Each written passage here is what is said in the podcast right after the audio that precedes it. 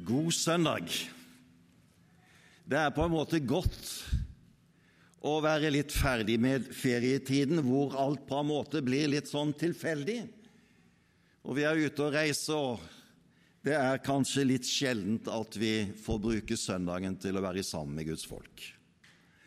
Nå er vi over i den vanlige rytmen, slik at søndagen blir vår samlingsdag. Så hjertelig velkommen, alle dere som har funnet veien hit denne søndags formiddag.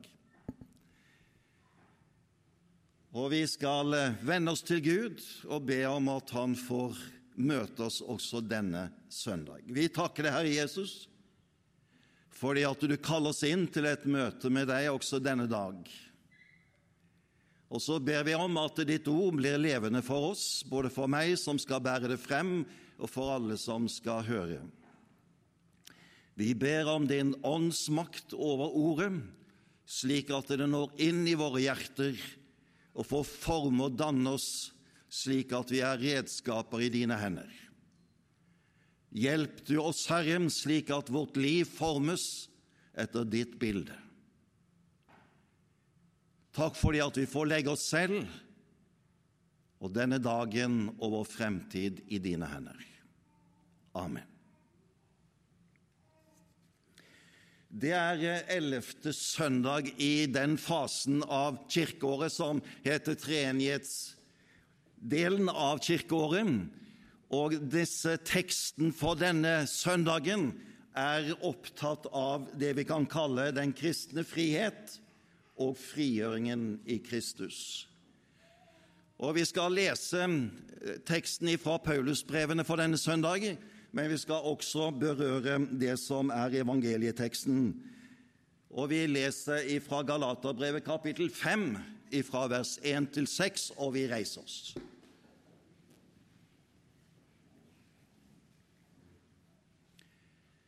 Til frihet har Kristus frigjort oss.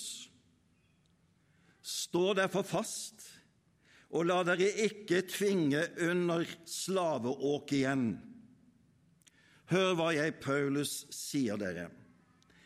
Hvis dere lar dere omskjære, vil ikke Kristus være til minste hjelp for dere. Jeg erklærer igjen, hver den som lar seg omskjære, er forpliktet til å holde hele loven. Dere som vel blir rettferdige ved loven, er skilt fra Kristus. Dere er falt ut av nåden. Mens vi venter i ånden ved tro på den rettferdighet som er vårt håp.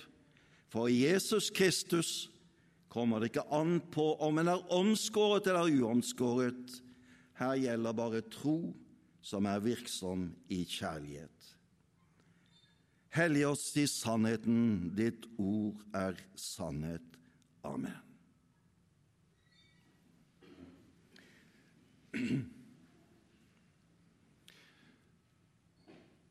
Jeg har gitt en overskrift, det som jeg har tenkt å si i formiddag. Overskriften er 'Kristen frihet og frigjøringen i Kristus'. Og Når du hører en slik overskrift, jeg vet ikke hva du da tenker på, hva som kommer opp i din tanke. Disse ordene frihet og frigjøring er jo i utgangspunkt i vårt språk lada med en positiv klang. Men hva betyr frihet? Når vi føyer til ordet kristen frihet Og Tekstene på denne søndagen skal altså da hjelpe oss inn i dette spørsmålet, slik at vi lærer å tenke kristent om friheten. Og Samtidig skal disse tekstene bli en plattform for å kunne møte utfordringene i vår egen tid i forhold til kristen frihetstenkning. Og slik vil denne prekenen bli bygd opp. Vi stanser først for de tekstene, og så vender vi oss til slutt mot den tid og samtid vi selv lever i, for å spørre hva betyr så dette i møte med de utfordringene vi står overfor. Evangelieteksten er en forholdsvis kjent tekst fra Markus kapittel 2. Det er en situasjon som oppstår, og det er sabbat. Og Jesus er sammen med disiplene sine ute på landsbygden og går langs en åker. Og de er blitt sultne på sin vandring, og disiplene tar noen aks ifra kornåkeren og spiser. Og så er det noen av fariseerpartiet som da oppdager at disiplene gjør dette, og påpeker at dette er ikke lov på en sabbat. De bryter sabbatsbudet og med det de forskrifter som omgir sabbatsbudet og skal prøve å verne om sabbaten. Og Da er det Jesus må gripe fatt i en fortelling fra Det gamle testamentet. For han minner dem om hva skjedde da David var konge, og han var forfulgt med sine menn og ble sulten på en sabbat. Da gikk han like inn i tabernaklet, som var det sentrale sted for samlingen innenfor Gud. Og oppå alteret der lå det noen brød, og disse brødene tok David og hans soldater og spiste. Og så er det at Jesus da sier til fariseerne, som tenkte slik om sabbaten at den var det fremste uttrykk for det å tilhøre Guds folk. Det var det mest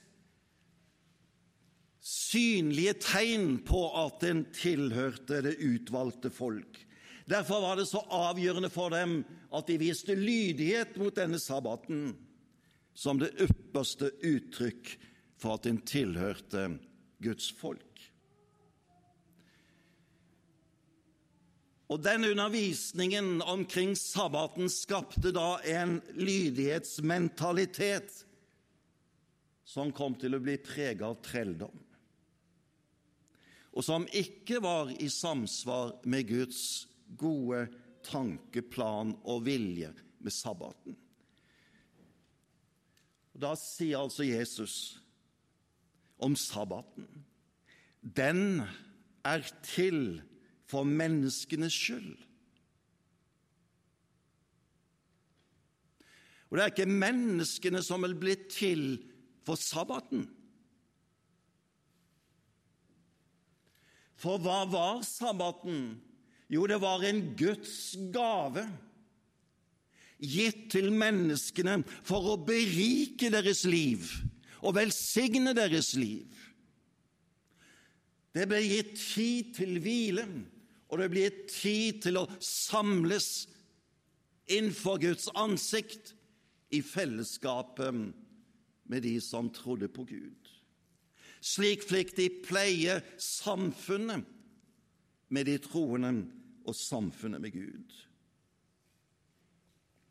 Så Jesu poeng er at Guds bud er en gave som skal berike og fylle livet med Guds velsignelse. Det skal gi livet det som er godt, det som er givende, er meningsfullt. Det er en livsrikdom som springer ut av Guds gode vilje for menneskelivet.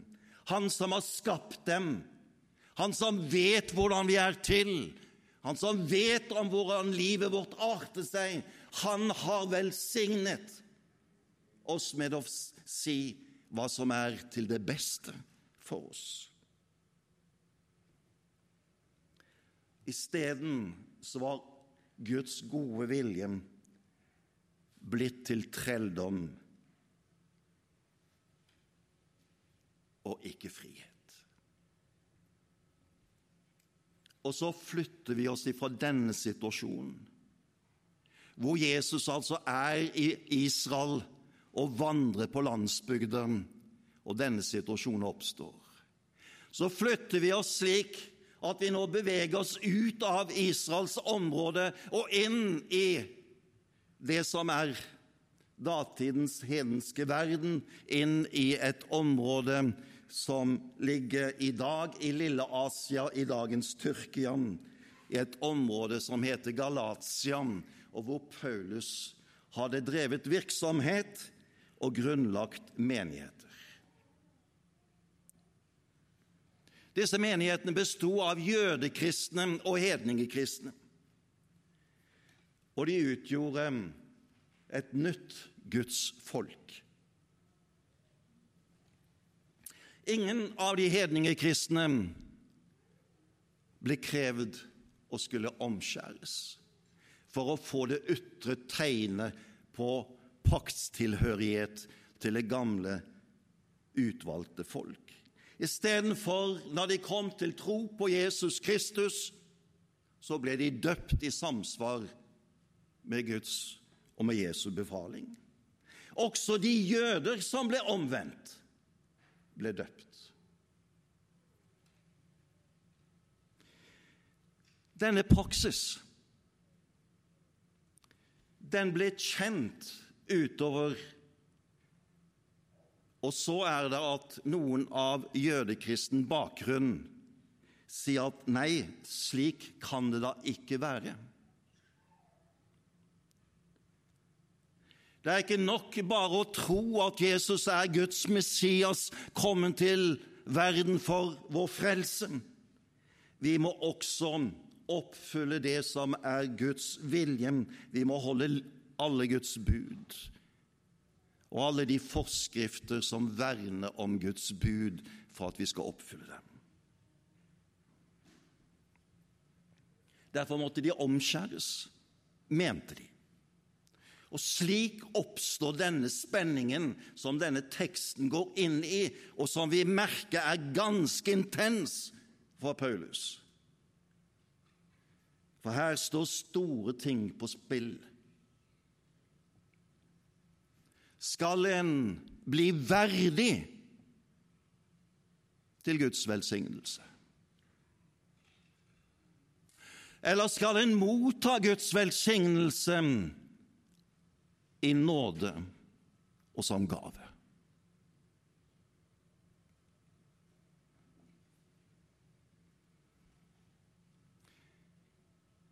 Og der brenner dem i denne menighet. Og Paulus sitt svar er slik som vi leste i det første verset. Til frihet har Kristus frigjort oss. Stå derfor fast og la dere ikke tvinge inn under slaveåket igjen. For da mister dere Kristus. Så radikalt er hans svar på den utfordringen som er kommet. Går dere inn på denne veien, så mister dere Kristus og dere kommer inn under et slaveåk som legges på skuldrene deres. Som om det var veien til å oppnå rettferdighet for Gud og bli lukka inn i Hans velsignelse.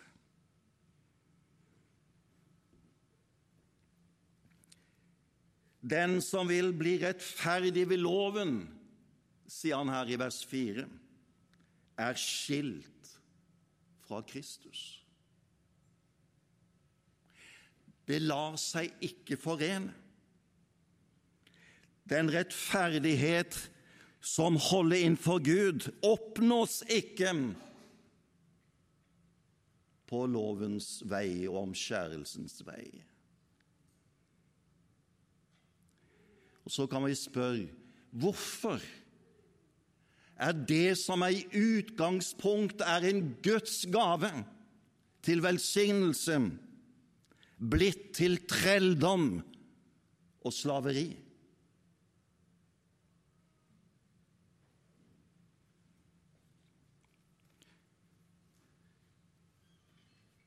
Og svaret er for så vidt forholdsvis enkelt ut ifra hva Paulus skriver. Loven er maktesløs.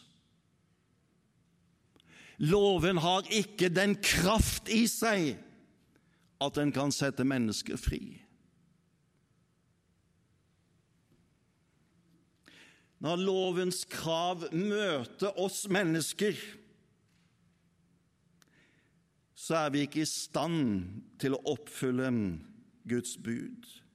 Som født inn i denne verden er vi fanget inn av syndens makt på en slik måte at vi holdes i fengsel. Og Det er derfor Paulus skriver slik i Romerbrevet 8,3.: Loven var maktesløs på grunn av vår onde natur. Loven virker derfor frem ikke en ny rettferdighet for Gud. Men den skaper en erkjennelse. En ny erkjennelse. Vi blir nemlig klar over vår synd. Vi blir klar over at vi er i fengsel. Vi blir klar over at vi er bundet. Derfor skriver Paulus slik i Romerbrevet kapittel 3, vers 20.: Ved loven lærer vi synden å kjenne. Loven avslører at vi sitter i syndens fengsel. Vi er dømt og fortapt i oss selv. Frigjøringen er derfor ikke gjennom loven, men gjennom Kristus.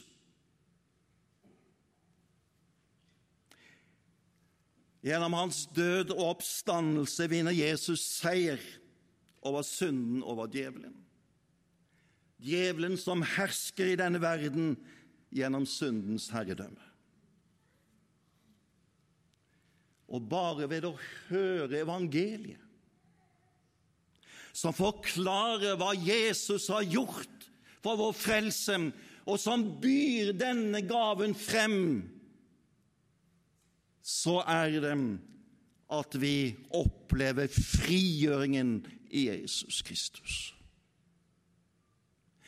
Han låser opp og setter oss i frihet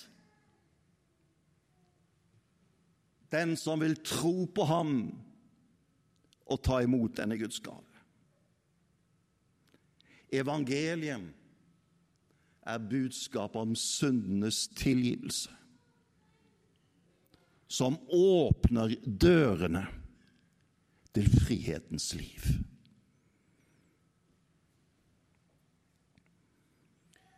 Og så kan vi ifra den situasjonen i Lille Asia den gang flytte oss over i vår egen samtid og spørre ja, hvordan hadde Paulus skrevet sitt brev inn i den situasjonen som vi befinner oss i? Med de krefter som vi lever under, for å frata oss frigjøringen i Kristus.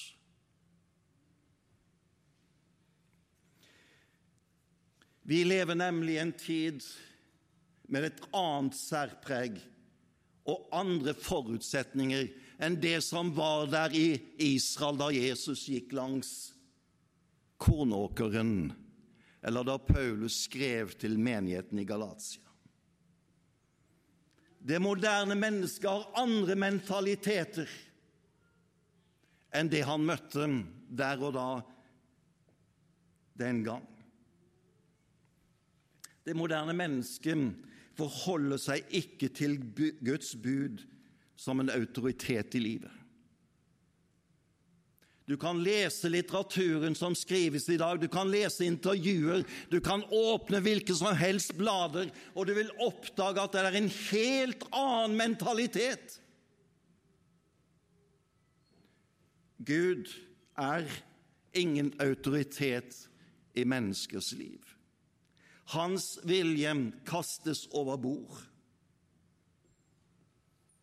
Og istedenfor holder menneskene seg til egne meninger og tanker. Det er en selv som er lovgiver i eget liv. Livet er en konstruksjon som en selv råder over. Og så er det det merkelige at samtidig som en påberoper seg denne friheten til selvbestemmelse, så lever i en sammenheng, og mennesket erfarer det på ny og på ny, at livsprosjektet deres går i stykker. Fellesskap går i oppløsning.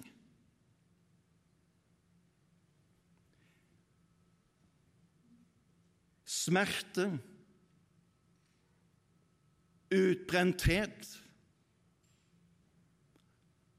De mange destruktive tegn i tiden som forteller at livet er dog noe mer enn bare det at jeg selv kan bestemme over alt, og det går som jeg vil.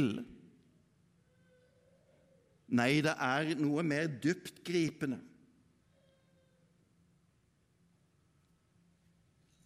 Allikevel så nekter en for ondskapens virkelighet. Djevelen erklæres for å være død.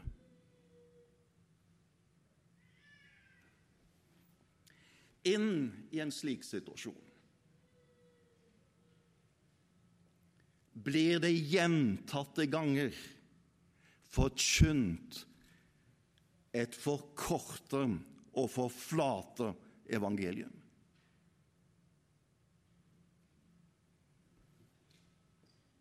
Evangeliet blir en sånn generell erklæring om at Gud elsker alle mennesker.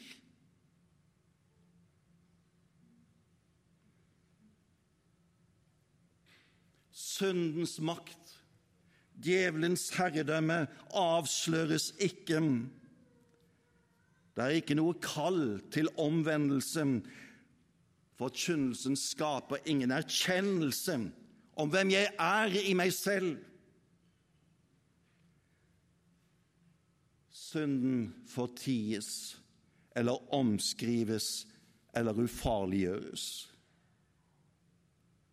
For den har ingen konsekvenser for evigheten.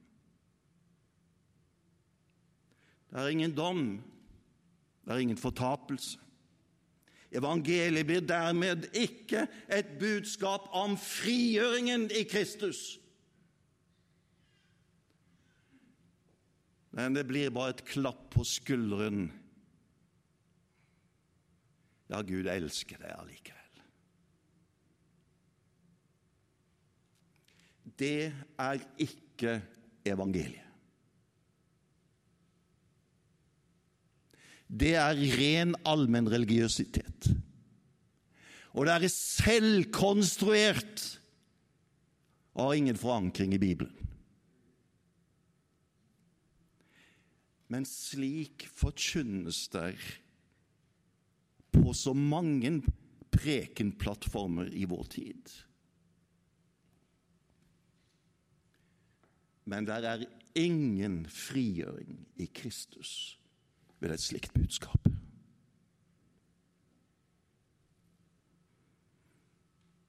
Dypest sett fører en slik evangelieforkynnelse bare til bekreftelse av sin egen trelldom under seg selv.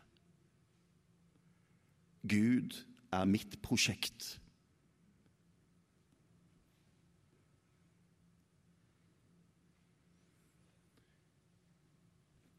Og det andre som jeg da vil også trekke frem av strømdragene i vår egen tid, og som kanskje noen hver kan bli påvirket av. Det er slik at der hvor evangeliet får lyde som et frigjørende budskap til synderen, der settes vi fri og vi føres inn i et nytt liv. Vi blir forent med den levende oppstandende Jesus Kristus. Han tar bolig i vårt hjerte, og han er i våre liv.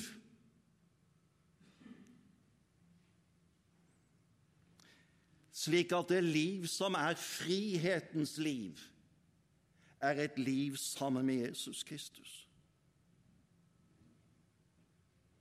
Det henter sitt innhold, sin retning og sitt mål ifra ham. Kristus er sentrum i livet.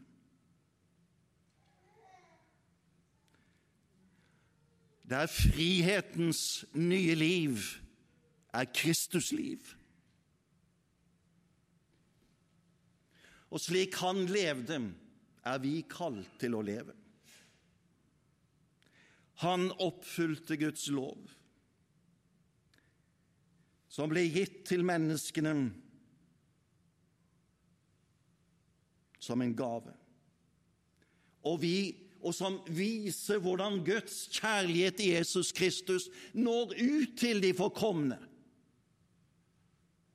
som barmhjertighet, omsorg, ny livsretning, nytt innhold. Og når Gud, når vi gjennom enheten med Kristus fanges inn av den samme retning og innhold som vi ser hos Jesus Kristus, så ser vi at Guds bud er en gave som gir uttrykk for hvordan Gud elsker mennesker og menneskelivet. Loven er ingen frelsesvei, men den er kjærlighetens vei til vår neste. Frigjøringen i Kristus innebærer ikke at vi selv settes inn igjen som herre i eget liv men vårt liv bringes inn på Guds vei til vår neste, til våre medmennesker. Og Paulus er klar over at på denne frihetens vei ligger det mange farer og kamper. Og Leser du videre i ettermiddag resten av kapittel 5 i Galaterbrevet, så vil du møte dem. Og jeg siterer kun vers 13. Dere søsken er kalt til frihet. La bare ikke friheten bli et påskudd på det som kjøtt og blod vil, men tjen hverandre i kjærlighet.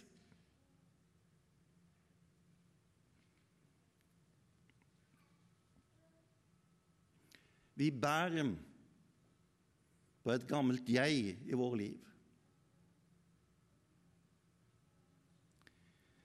Og dersom friheten blir på en måte en åpning for at det gamle jeget skal gjenkomme på herredømmet i våre liv, så går det galt.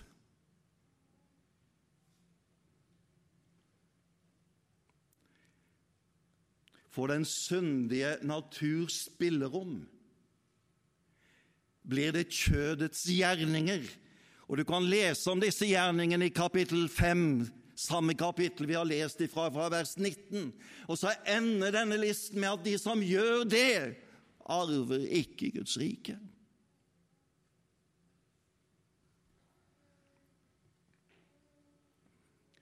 Når kjødets gjerninger tar makten, ender de frafall og Kristus og Ånden kastes over bord.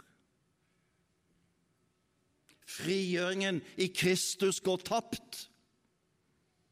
Frihetens liv er forspilt, for Kristus er falt ut av livet.